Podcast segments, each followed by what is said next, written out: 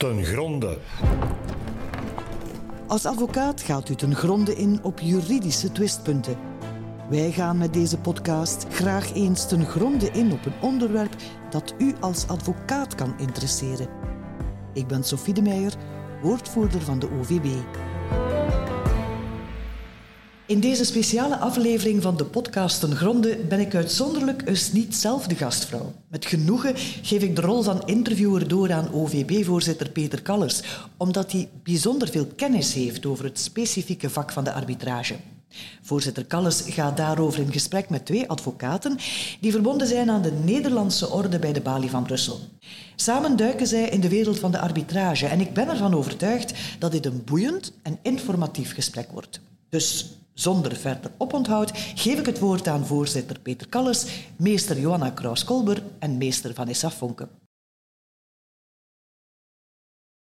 Welkom allebei. Ik zit hier samen met twee advocaten die bedreven zijn in een bepaald vak en dat is arbitrage. En dat zijn Vanessa Vonke, zij is advocaat in Brussel, vernoot bij het kantoor Jones Day, een uh, groot internationaal kantoor van Amerikaanse oorsprong. Correct. Ja, maar jij bent altijd werkzaam geweest in, uh, in Brussel ja, als advocaat. En dan zit hier ook Johanne Kolber. Johanne, jij bent vernoot op het kantoor Strelia, een Belgisch kantoor. Uh, maar jij hebt natuurlijk ook wel een heel grote internationale inslag, want jij bent in feite van Poolse nationaliteit. Je bent hier komen werken en je bent advocaat in, in Brussel. Hè?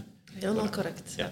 Arbitrage, het is een breed thema. We gaan niet alles kunnen behandelen. Maar we willen toch eens kijken, ja, wat, wat, wat is dat? Voor sommige mensen is het een beetje een mythe. Als je het niet kent, is het een soort geheim genootschap. Waarom, waarom kiezen mensen voor, voor arbitrage?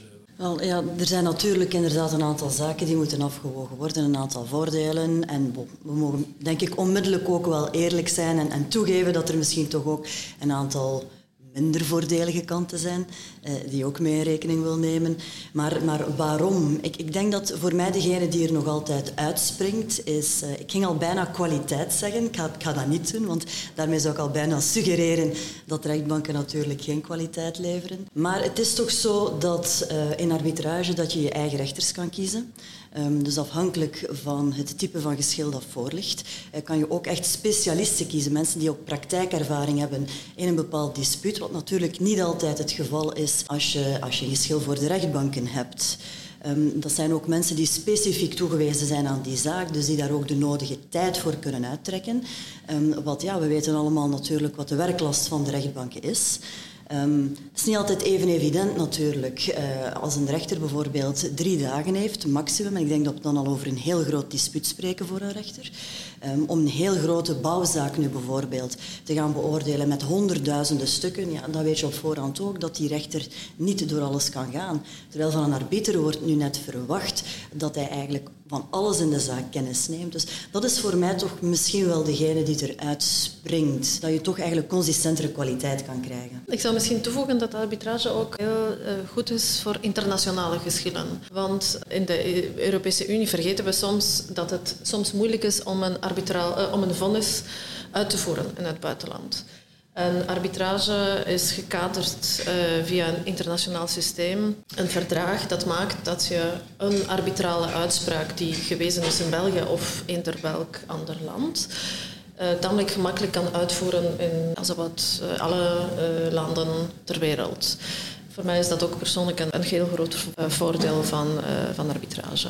Zijn er dan situaties waar jullie zouden zeggen dat het beter is voor partijen om niet voor arbitrage te kiezen? Zeker. Ik denk simpelere zaken van een geringe omvang, simpelere contracten. Bijvoorbeeld, je hebt soms een, weet ik veel, een simpel managementcontract of zoiets.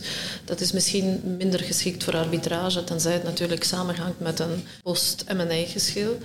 Inderdaad, ja, men kijkt toch in eerste instantie naar zaken met een zekere inzet. Misschien wil je ook je, je concrete positie binnen een contractuele context een beetje afwegen. Bijvoorbeeld als, als jij degene bent die eerder in de situatie van onbetaalde facturen gaat terechtkomen, is dat misschien iets dat je dan toch wel sneller afgehandeld krijgt voor een rechtbank en iets efficiënter ook dan, dan noodzakelijkerwijs in arbitrage. Dus ik denk dat je ook een beetje wil afwegen hoe je precies binnen een contractuele context staat. Is het zo dat een uh, arbitraal vonnis dan gemakkelijker uit te voeren is in het buitenland? Hè? Je sprak over een verdrag. Ik vermoed dat je het hebt over het verdrag van New York. Dat klopt. Maar in de Europese Unie hebben we toch executieverordening. Is, is die niet minstens even efficiënt? Absoluut. Eh, in Europa zijn we heel comfortabel en we hebben een, eh, een aantal instrumenten dat die ehm, het internationale verkeer ook van uitspraken vergemakkelijkt. Maar los van Europa, vooral als je bijvoorbeeld een geschil hebt met een Afrikaanse staat of met een partij van een Afrikaanse staat of, of een uh, Aziatische staat, dan is het veel gemakkelijker om via arbitrage je geschil te laten oplossen. Want het verdrag van New York voorziet inderdaad in een uniform kader dat in al die staten die partij zijn bij dit verdrag wordt toegepast en uniforme regels bevat uh, ter vergemakkelijking van, uh, van de uitvoering van de uitspraken. Arbitrage, dat zijn de partijen die daarvoor kiezen. Dat kan niet worden opgedrongen. Doe je dat dan in de overeenkomst zelf of doe je dat wanneer het geschil ontstaat? Je hebt natuurlijk de keuze. Je kan tot op het laatste ogenblik, te weten wanneer het geschil effectief rijst, kan je kiezen om voor arbitrage te opteren. Maar iedereen weet natuurlijk dat eens dat er een geschil voor ligt, dat het meestal bijzonder moeilijk is om nog iets overeen te komen met je tegenpartij. Dus het geniet toch wel de voorkeur om dat vooraf ook in je overeenkomst uh, overeen te komen. En dat kan trouwens op een, op een heel eenvoudige manier. Geen grote clausule. De meeste arbitrale instellingen die hebben op hun websites ook een modeltekstje staan van een arbitrageclausule die je heel eenvoudig in je arbitrageovereenkomst kan opnemen. Inderdaad, maar dan kies je in feite voor een institutionele arbitrage. Dat hoef je niet te doen, toch? Dat is helemaal vrijwillig. Je kan kiezen voor een instelling die dan de arbitrale procedure beheert. En in dat geval kies je voor bijvoorbeeld CEPANI in België. Je hebt ook uh, verschillende internationale instellingen. Maar dat is absoluut niet verplicht. Je kan ook een zogenoemde ad hoc arbitrage voorzien. Namelijk kan je in een clausule gewoon specifieren het geschil uh, dat vooruitsprongt uit een bepaalde overeenkomst wordt beslecht door arbitrage. Drie arbiters bijvoorbeeld, of één arbiter in een bepaalde taal, met zetel in een bepaalde stad of, of land. Uh, dat volstaat ook. En dat is, uh, dat is voldoende. Ja. Dus dat zijn in feite de twee grote regimes van arbitrage, dus een ad hoc arbitrage of een institutionele. In welke gevallen zou je kiezen voor institutioneel of voor ad hoc? Of zou je nooit kiezen voor het een of het ander? Ik ga daar eerlijk toegeven. Voor mij stelt zich de vraag eerder waarom dat je niet voor institutionele arbitrage zou kiezen. En iets dat ik regelmatig dan hoor naar voren komen is ja, maar dan moet je de instelling, het instituut ook betalen. Niet tegenstaande dat als je op het einde van de rit, want op het einde bij arbitrage heb je altijd een kostenafrekening. Als je dan de kostenafrekening ziet, is eigenlijk de kost van het instituut in het complete kostenplaatje is dat eigenlijk marginaal, terwijl je dan tegelijkertijd ook heel veel aan efficiëntie kan winnen. Als er bijvoorbeeld een dispuut is bij de benoeming van je arbiters, de partijen komen niet overeen, dat is bijvoorbeeld een punt waar het instituut kan instappen en zij kan dan arbiters, onafhankelijk arbiters, gaan benoemen voor de partijen. Um, terwijl ja, het alternatief is in een ad hoc arbitrage, er is geen instituut. Uh, je moet dan naar de rechtbank gaan en je moet dan proberen om een, een vonnis te bekomen van de rechtbank, waarbij die inderdaad een arbiter dan in jouw plaats benoemt. Maar ik moet natuurlijk niet zeggen dat waar het instituut daar heel efficiënt kan instappen, dat dat voor een rechtbank toch ook wel iets meer tijd vergt. Ook. En met tijd komt, is er ook altijd een bepaalde kost gepaard. Mm. Dat is ook een bepaalde bijkomende waakzaamheid door het arbitrageinstituut. En ik denk hier vooral aan de termijnen, want je hebt ook bepaalde termijnen die voorzien zijn in het procedurereglement, onder meer om het belangrijkste, de arbitrale uitspraak, te vellen. En uh, ik, heb het, uh, ik heb het al meegemaakt in een zaak dat er in een ad hoc arbitrage men vergeten is die termijn voor het vellen van de uitspraak te verlengen. En op dat moment komt de missie van de arbiters tot een einde. En indien de arbiters alsnog overgaan tot het vellen van die uitspraak, is die vatbaar voor vernietiging. Want hun mandaat is gewoon beëindigd. En dat dit soort van zaken gebeuren niet uh, bij een instelling. Zo'n stukje monitoring dat ja. erin zit vanuit de arbitrale instelling. Ook naar de kwaliteit van de uitspraak toe. Of, ja. ja. Zie ik dat verkeerd? Nee, nee, perfect. De instellingen in België, maar ook in het buitenland, voorzien soms in inderdaad een bepaalde kwaliteitscontrole van de uitspraken. Misschien daar toch even preciseren ook dat het niet de bedoeling is dat de arbitrale instelling dat, uh, dat die ingrijpt in de beslissing zelf. Dus die gaat zich niet in de plaats van de arbiter stellen. Er wordt ja, geen nazicht gedaan op wat eigenlijk de mhm. redenering is. De beslissing wordt niet bijgestuurd. Het is meer een formele controle. Om zeker te zijn dat, afhankelijk van wat het toepasselijk recht is, de zetel van de arbitrage, dat er ook aan alle formele vereisten voldaan is. Dus dat is eigenlijk meer toch die kwaliteitstoets. Ja, en bovendien hebben de arbitrale instellingen ook een, een bijzondere know-how over de procedure. Dat kan soms uh, nuttig zijn, zowel voor de partijen als ze soms een beetje hun weg uh, kwijt zijn in de procedure, maar ook voor de arbiters. Uh, dus dat is een, zeker een bijzondere toegevoegde waarde. Hoe, hoe zit het, want ik denk, denk, niet dat dat woord hier al gevallen is, hoe zit het met de, de vertrouwelijkheid in, in, arbitrage? Is dat inderdaad een element van, van de procedure waardoor dat arbitrage zich onderscheidt van de procedures voor de gewone rechtbanken. En als dat zo is, zie je dat dan als een, als een voordeel of, of hoe, hoe, moeten we dat uh, beschouwen? Ik, denk inderdaad, de vertrouwelijkheid is altijd eentje die als, als een van de grote verkoopspunten van arbitrage naar voren geschoven wordt. En het is inderdaad mogelijk, in de meeste gevallen toch, uh, om te zien in een volledige vertrouwelijkheid van je procedure.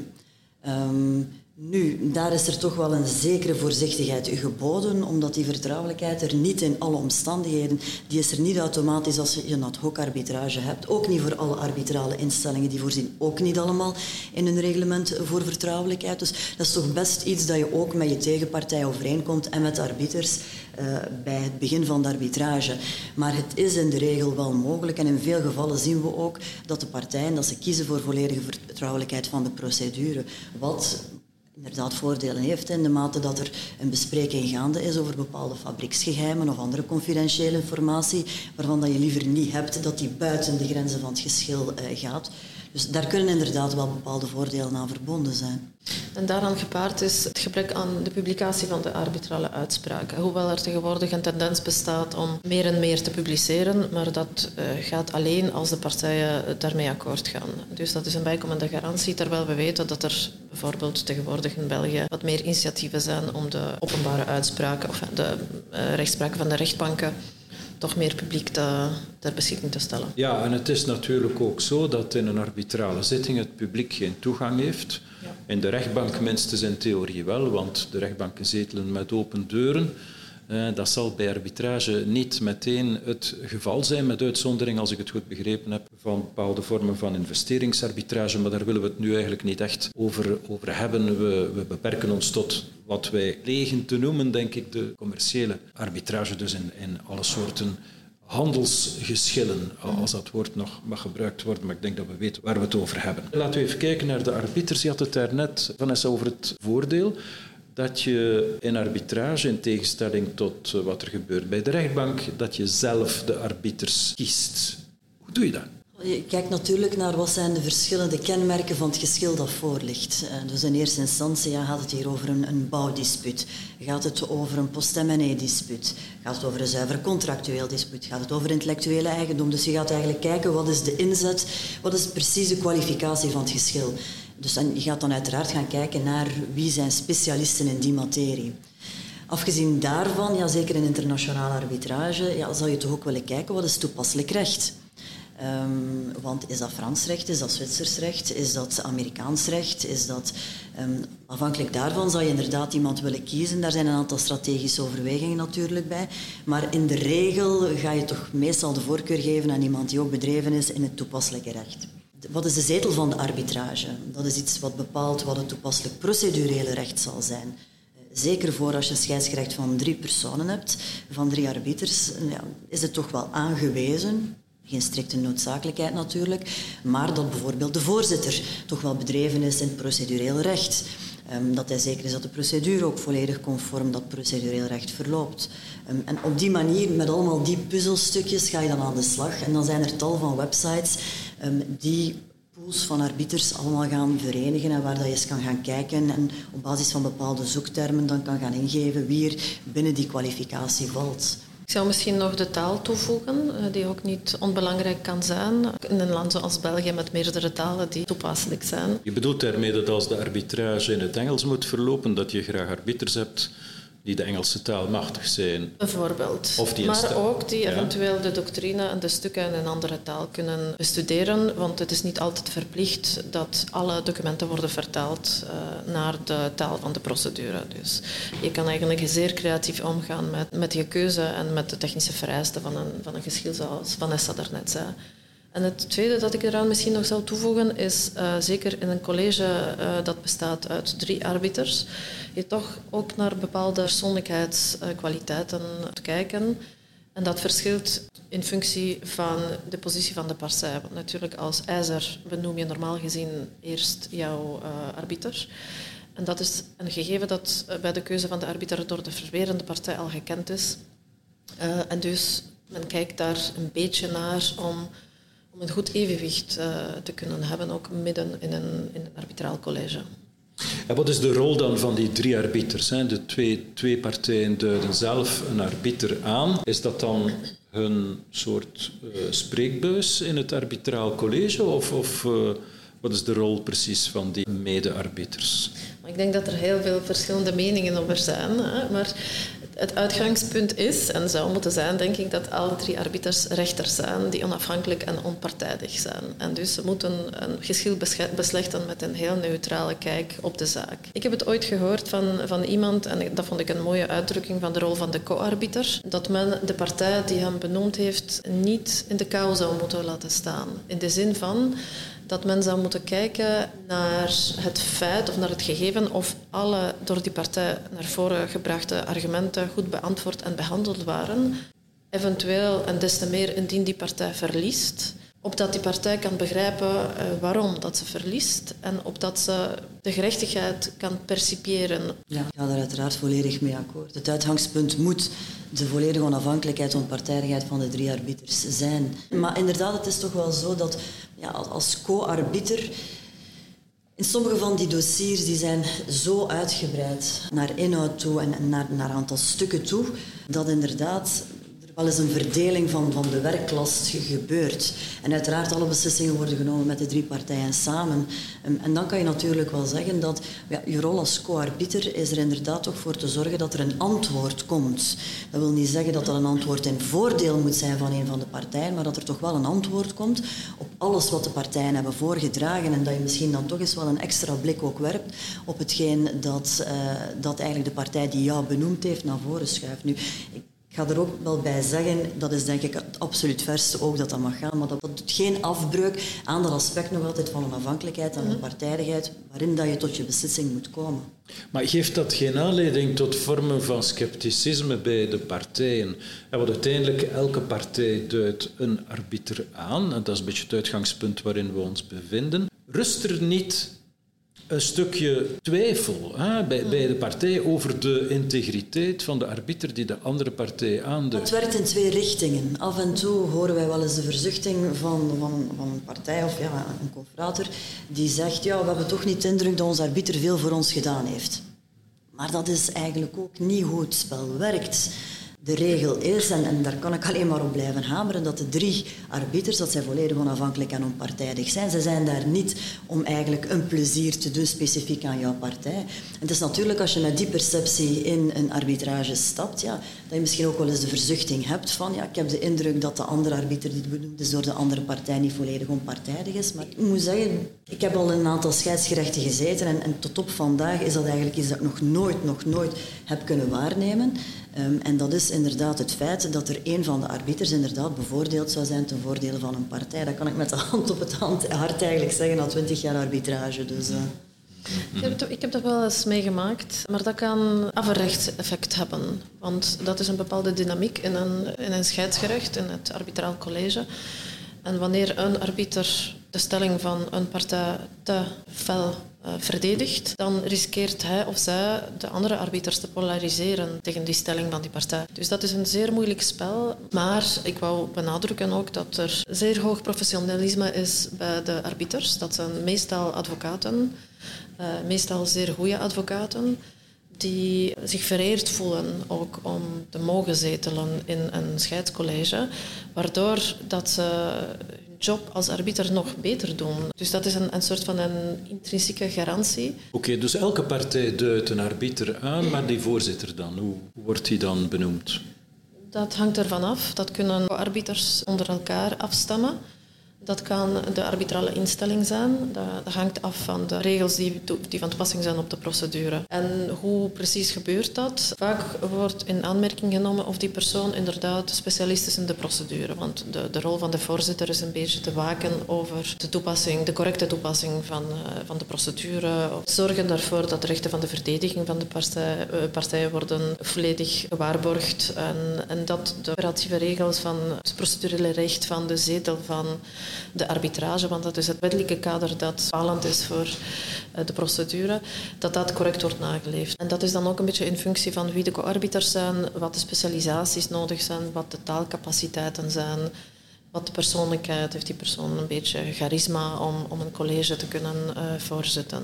Dus als, als de partijen en, en, de arbiters, afhankelijk van wat de clausule zegt, als ze er zelf niet uit geraken, dan zijn er altijd middelen om toch tot een voorzitter te komen via de instelling of via de rechtbank in feite, die, ja. die dan de, de voorzitter zal, zal aanduiden.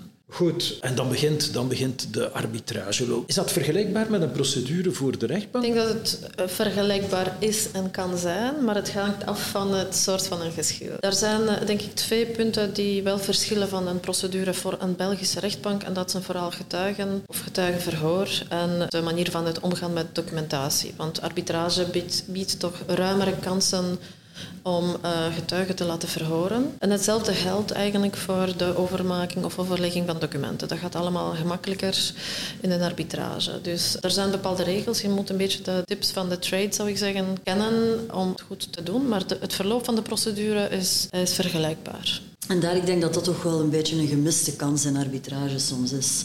Uh, omdat de, een van de essentiële kenmerken van arbitrage is ook dat je je eigen procedureregels kan uh, volledig uitvinden mm. en uh, in samenspraak met het scheidsgerecht overeenkomen. Precies om toe te laten om zo efficiënt mogelijk tot de oplossing van je geschil te komen. Dat is toch een van de essentiële kenmerken. Er zijn eigenlijk geen dwingende, echt dwingende procedureregels in arbitrage, zolang natuurlijk de rechten van verdediging en dergelijke meer gevrijwaard blijven. En ik denk dat er daar inderdaad toch een beste kans is, omdat heel veel partijen, zeker in, in wat meer Belgische arbitrages, een klassiek schema volgen, zoals voor de rechtbanken. Uh, maar het is inderdaad mogelijk om daar daarvan af te wijken. En er zijn ook wel heel veel tools. Ik denk bijvoorbeeld aan, aan een bifurcation. Wat bedoel je daarbij? Waarbij, ik ben eigenlijk naar het Nederlandse woord aan het zoeken. Maar, Bifurcatie? Ja, het klinkt een klein beetje gemaakt, moet ik zeggen. opsplitsing?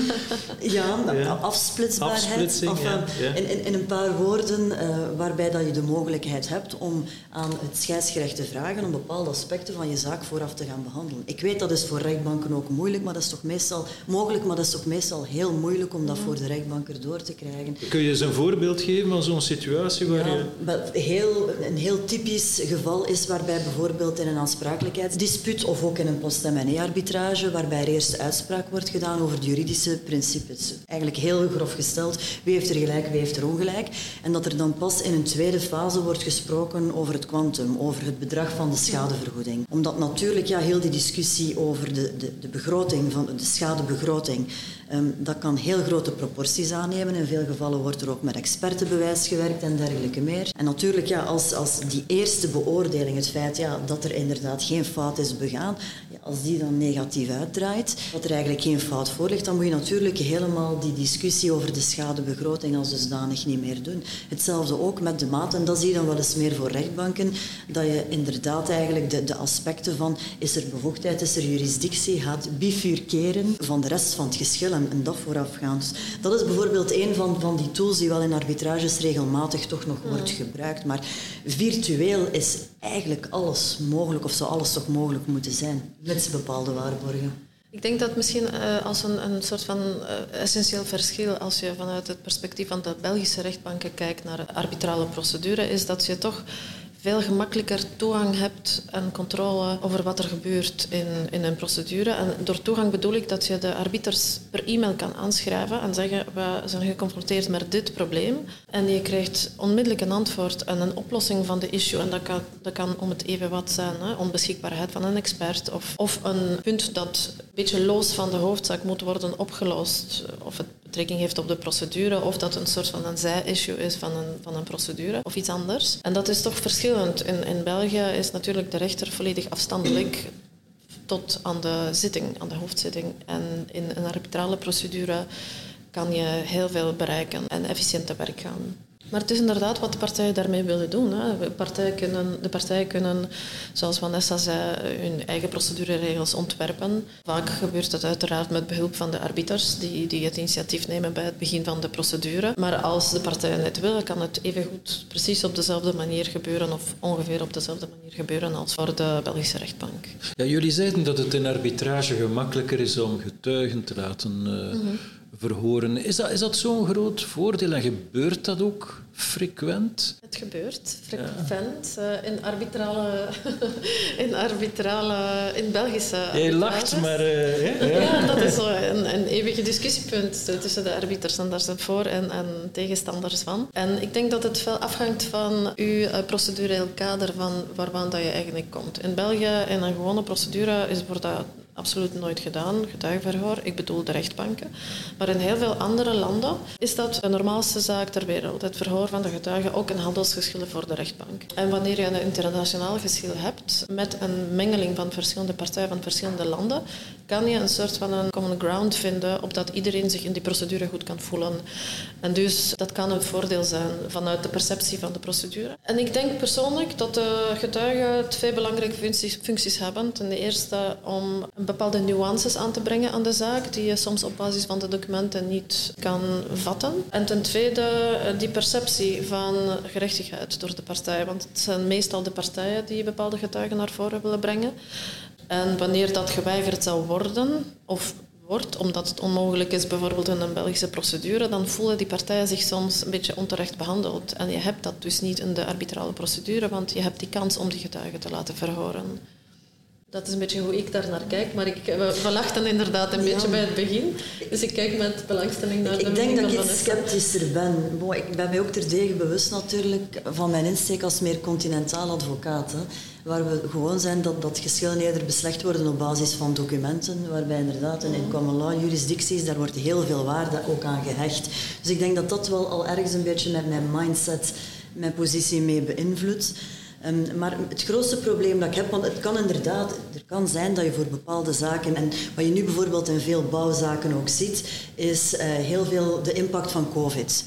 Dat is iets dat ergens ook wel een beetje ongrijpbaar is. En dat is niet slecht als je iemand hebt die inderdaad komt vertellen, ja, hoe zag tijdens COVID een werkdag eruit? Wij moesten allemaal op drie meter van elkaar staan. Dus dat wil zeggen, als je in een bepaalde ruimte stond, dat we maar met 10, 15 procent minder mensen konden werken. Mm. En op bepaalde aspecten, er zijn zeker bepaalde gaten die kunnen opgevuld worden met getuigenverhoor.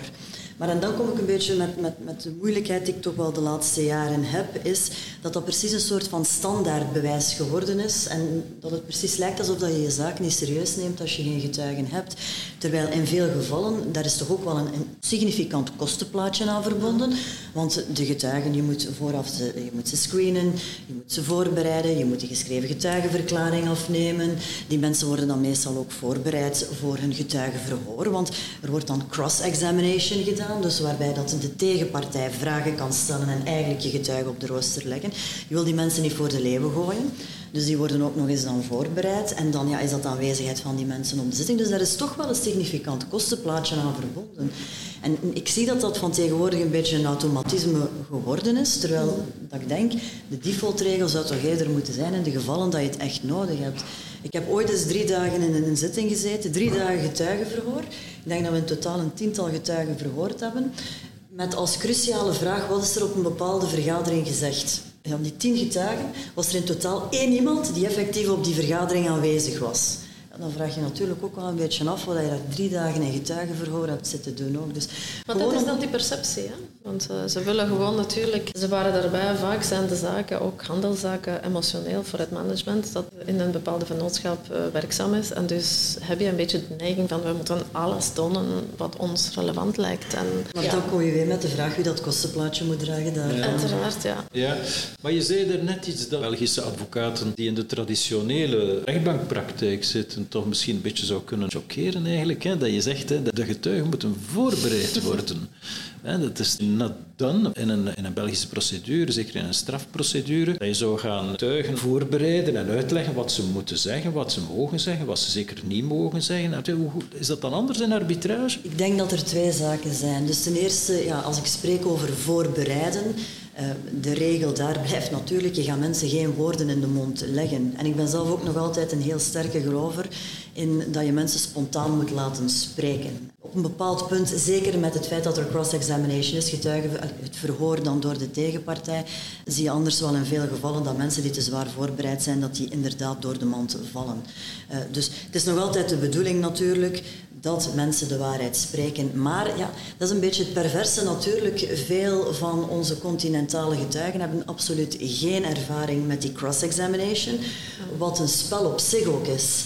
En waarbij het natuurlijk net de bedoeling is om mensen in discrediet te gaan brengen, om mensen te gaan doen twijfelen aan hun eigen woorden, om mensen ook woorden in de mond te gaan leggen. En het is eigenlijk precies daarop dat, dat, dat, dat getuigen toch moeten voorbereid worden, dat ze weten wat er op hen afkomt, want dat kan soms op, heel op een heel agressieve manier eraan toegaan. En dus en je moet die mensen daar inderdaad toch wel eventjes op voorbereiden ook. Zou het juist zijn van te zeggen, als ik jullie bezig hoor, hè, dat stuk Amerikaanse of Engelse procedure zich geïnfiltreerd heeft in de arbitrage en dat de manier van werken in, zeker in internationale arbitrage, dat die toch wel in grote mate gealineerd is geworden op praktijken die in feite niet gangbaar waren bij ons. Ik denk dat, het wel, dat er een zekere invloed bestaat, maar ik zou het zeker niet veralgemenen. En je hebt natuurlijk ook arbitrages tussen Europese continentale partijen. En ja, je, kan er daar natuurlijk ook een beetje een soort van cross-examination zien, maar dat is geen echte cross-examination zoals je dat op de Amerikaanse films ziet. Dat is een soort van een light versie, want dat is een, specifieke oefening waarbij je dat om het goed te doen moet je echt goed getraind zijn, denk ik. Dus ik, ik, denk dat er zeker een bepaalde intrede is van die uh, common law praktijken in de internationale arbitrage maar niet per se en niet bepaald in alle zaken. En zeker niet in, in louter Belgisch, uh, Belgische arbitrages tussen twee Belgische partijen. Ja, en alweer, daar, daar, ik val in, in herhaling, maar um, daar ook alweer, je bent niet verplicht om gebruik te maken van getuigenverhoor. Je bent niet verplicht om aan een, een, een volledige oefening in zaken overlegging van documenten te doen.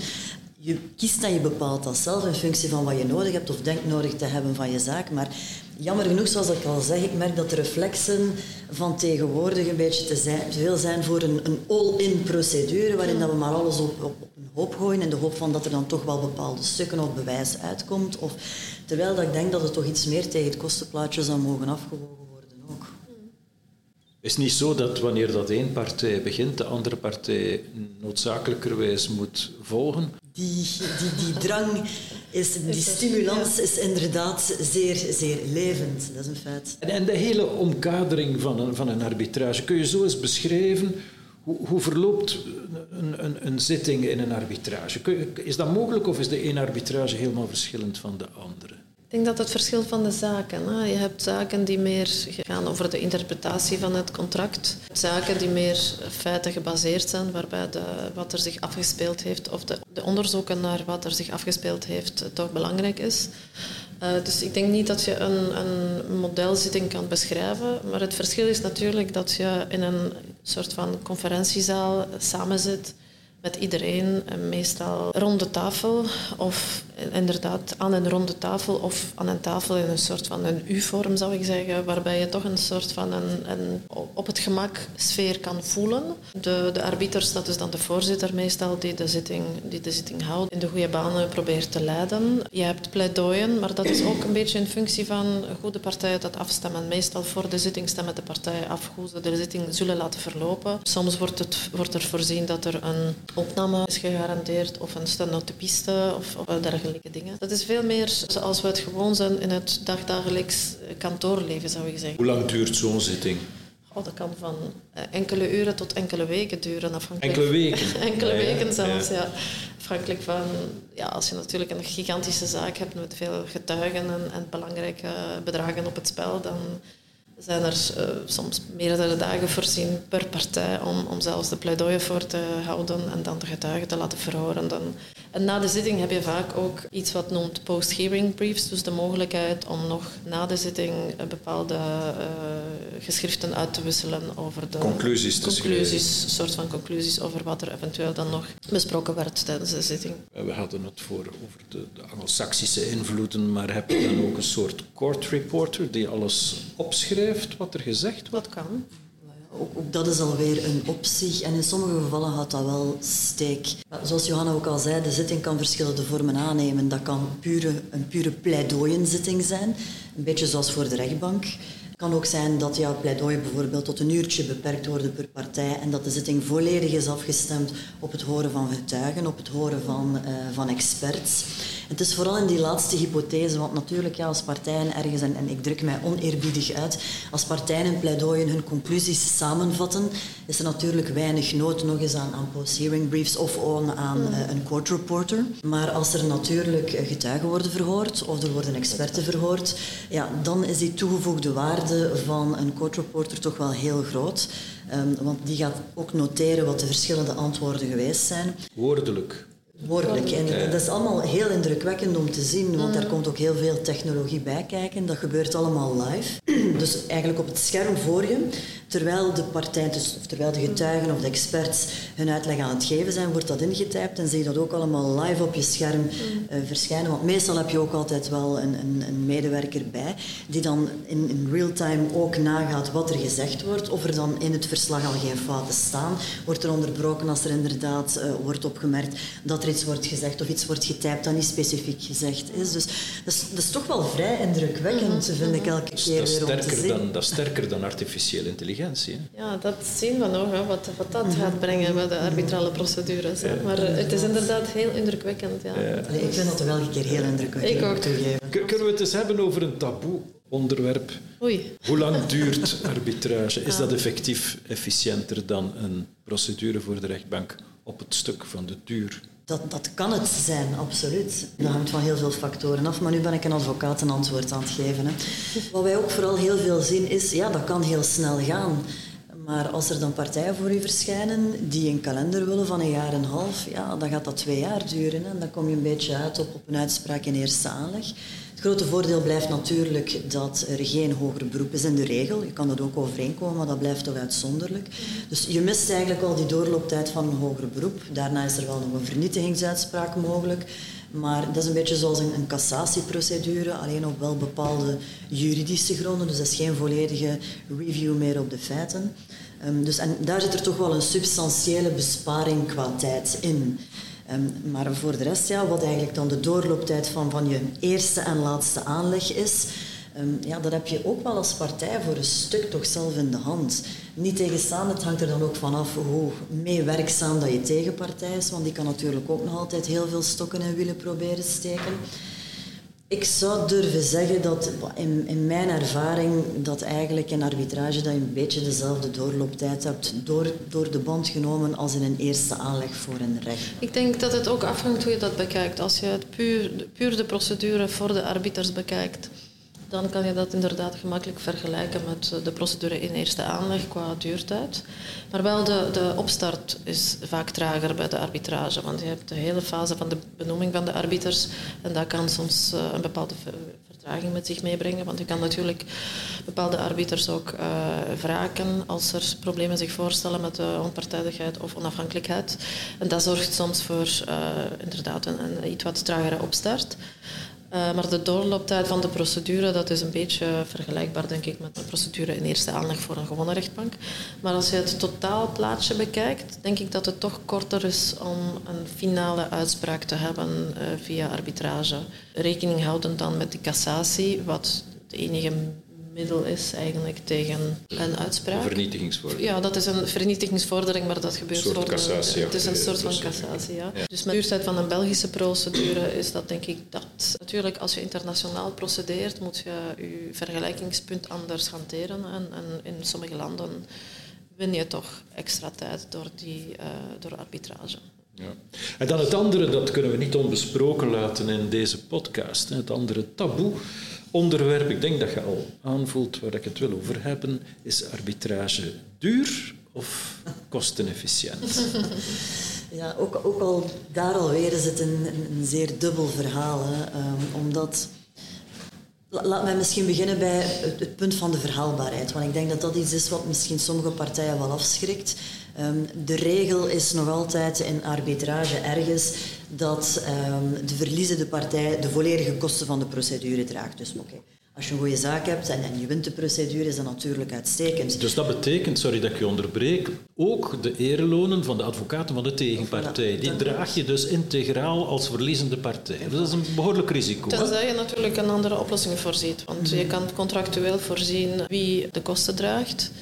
En dat kan even goed zijn dat elke partij haar eigen kosten eh, bijvoorbeeld. eh, Maar dat moet je dan voorzien. Je moet het voorzien. Ja. Maar er zijn ook andere omstandigheden waarin de arbiters ook niet bepaald altijd die, die piste volgen dat de verliezende partij altijd het totaalplaatje draagt. Hè. Dus ik wou gewoon eventjes een nuance Nee, nee. eh, aanbrengen dat dat niet automatisch is dat de Dus verliezer vandaar altijd betaalt. inderdaad. Ja. Maar ik denk dat is iets dat heel veel terugkomt van ja, bon, we hebben een beetje van een grijze zaak, dus, dus twijfelen ook wel ergens, want ja, dan gaan we misschien uiteindelijk veroordeeld ook worden tot betaling van de kosten van de arbiters, van de instelling, van de advocaat. Natuurlijk, ja, als winnende partij, als je een goede zaak hebt, is dat een heel grote plus. Maar een heel grote plus, want we weten allemaal dat voor de rechtbanken dat natuurlijk zeer beperkt is, die verhaalbaarheid tot rechtsplegingsvergoeding. Alweer, ja, wat dat kostenplaatje betreft, er is geen hoger beroep. Je spaart jezelf de kosten van dat een is volledig natuurlijk de keuze die je maakt. Je hebt ook de kosten van de arbiters. Ja, de Je hebt de- inderdaad de moet goed bedenken ik toch een kanttekening willen maken. Want dat is het grote verschilpunt natuurlijk met een rechtbankenprocedure. Je moet je arbiters bepalen. Maar dat is doorgaans ook als je voor institutionele arbitrage kiest, gecapt op een bepaald bedrag. Dat wordt berekend in functie van de inzet van het geschil. Dus er is daar toch wel een zekere voorspelbaarheid. En de grote kanttekening die ik wil maken, niet tegenstaande misschien Interessante thema van arbitrage. reclame voor advocaten is, is dat als je altijd het volledige kostenplaatje ziet op het einde van een arbitrage, en dat komt altijd naar boven, omdat op het einde van de arbitrage heb je die discussie, wat zijn de kosten van beide partijen, omdat ja, het scheidsgerecht moet ook een beslissing over de kosten nemen, dat je toch ziet dat meestal het aandeel van de kosten van de arbiters en van, van de instelling, dat dat toch eerder marginaal is ten opzichte van de kost van de advocaat. Dus om dan te zeggen dat die kost van de arbiters dat dat echt een doorslaggevende reden moet zijn om dan niet voor arbitrage te kiezen, ik ben daar niet van overtuigd. En hier wil ik ook een beetje de internationale nuance of kanttekening aanbrengen. Dat in België betalen we natuurlijk heel weinig aan rolrecht eh, als je de zaak inleidt. Maar dat is helemaal anders in andere, andere landen, ook in Europa. In, eh, denk maar aan Zwitserland of aan, aan Duitsland. En dat is toch een belangrijk punt. Natuurlijk, in België heb je de registratierechten waaraan de meeste partijen ook niet denken, want dat is iets dat je betaalt op het einde van de rit. Maar dat, is een, dat, dat kan spelen. In arbitrage kan dat ook spelen als je eh, de uitspraak niet vrijwillig uitvoert. Maar als je dat wel doet, heb je die tussen aanhalingstekens besparing aan die, eh, aan registratierechten, terwijl je daaraan niet ontsnapt bij een gewoon vonnis. En ik denk niet dat er ooit iemand is geweest die, die echt een, een totale berekening heeft gemaakt hè, van hoe kost effectief een, een arbitrale procedure tot en met de vernietigingsvordering vergelijken met eh, hoe, hoeveel kost een eh, procedure voor de rechtbank in eerste aanleg hoger beroep, cassatie, dus tot het einde van de rit. Mijn gevoel is dat het ergens vergelijkbaar zou kunnen zijn. Het totaalplaatje met het bijkomende risico dat Vanessa genoemd heeft, met name de, de noodzaak om de kosten van de andere partij in, in de totaliteit te moeten dragen. Dus toch vrij goed nieuws voor partijen die voor arbitrage zouden kiezen, als ik het zo hoor. Ja. Jullie zijn toch pleitbezorgers voor de arbitrage, denk ik. eh. En dat, dat is goed. Om tot een slot te komen, wat zou je zeggen aan partijen? Kiezen we voor arbitrage? Wat, wat zou het laatste woord zijn? Ik denk zeer zeker bij het adviseren van, van een partij um, moet er met het volledige spectrum, zoals we van tegenwoordig volgens gerechtelijk wetboek ook verplicht zijn, maar er moet met het volledige spectrum rekening gehouden worden. En arbitrage is zeer zeker een valabel alternatief um, voor, voor een groot deel disputen, zeker in de mate dat ze internationaal zijn en toch van een zekere omvang. Volledig mee eens. Maar ik zou denken, goed, denk goed na over welke eventuele geschillen uit een bepaalde overeenkomst kunnen uh. En, want dat is natuurlijk de keuze die je maakt voorafgaand aan het, uh, aan het ontstaan van het geschil. Dus je moet, je moet goed bedenken aan welke contractuele constellatie uh, je bezig bent om de keuze dan te maken. En dat is natuurlijk helemaal niet gemakkelijk. Uh, denk voilà. goed na.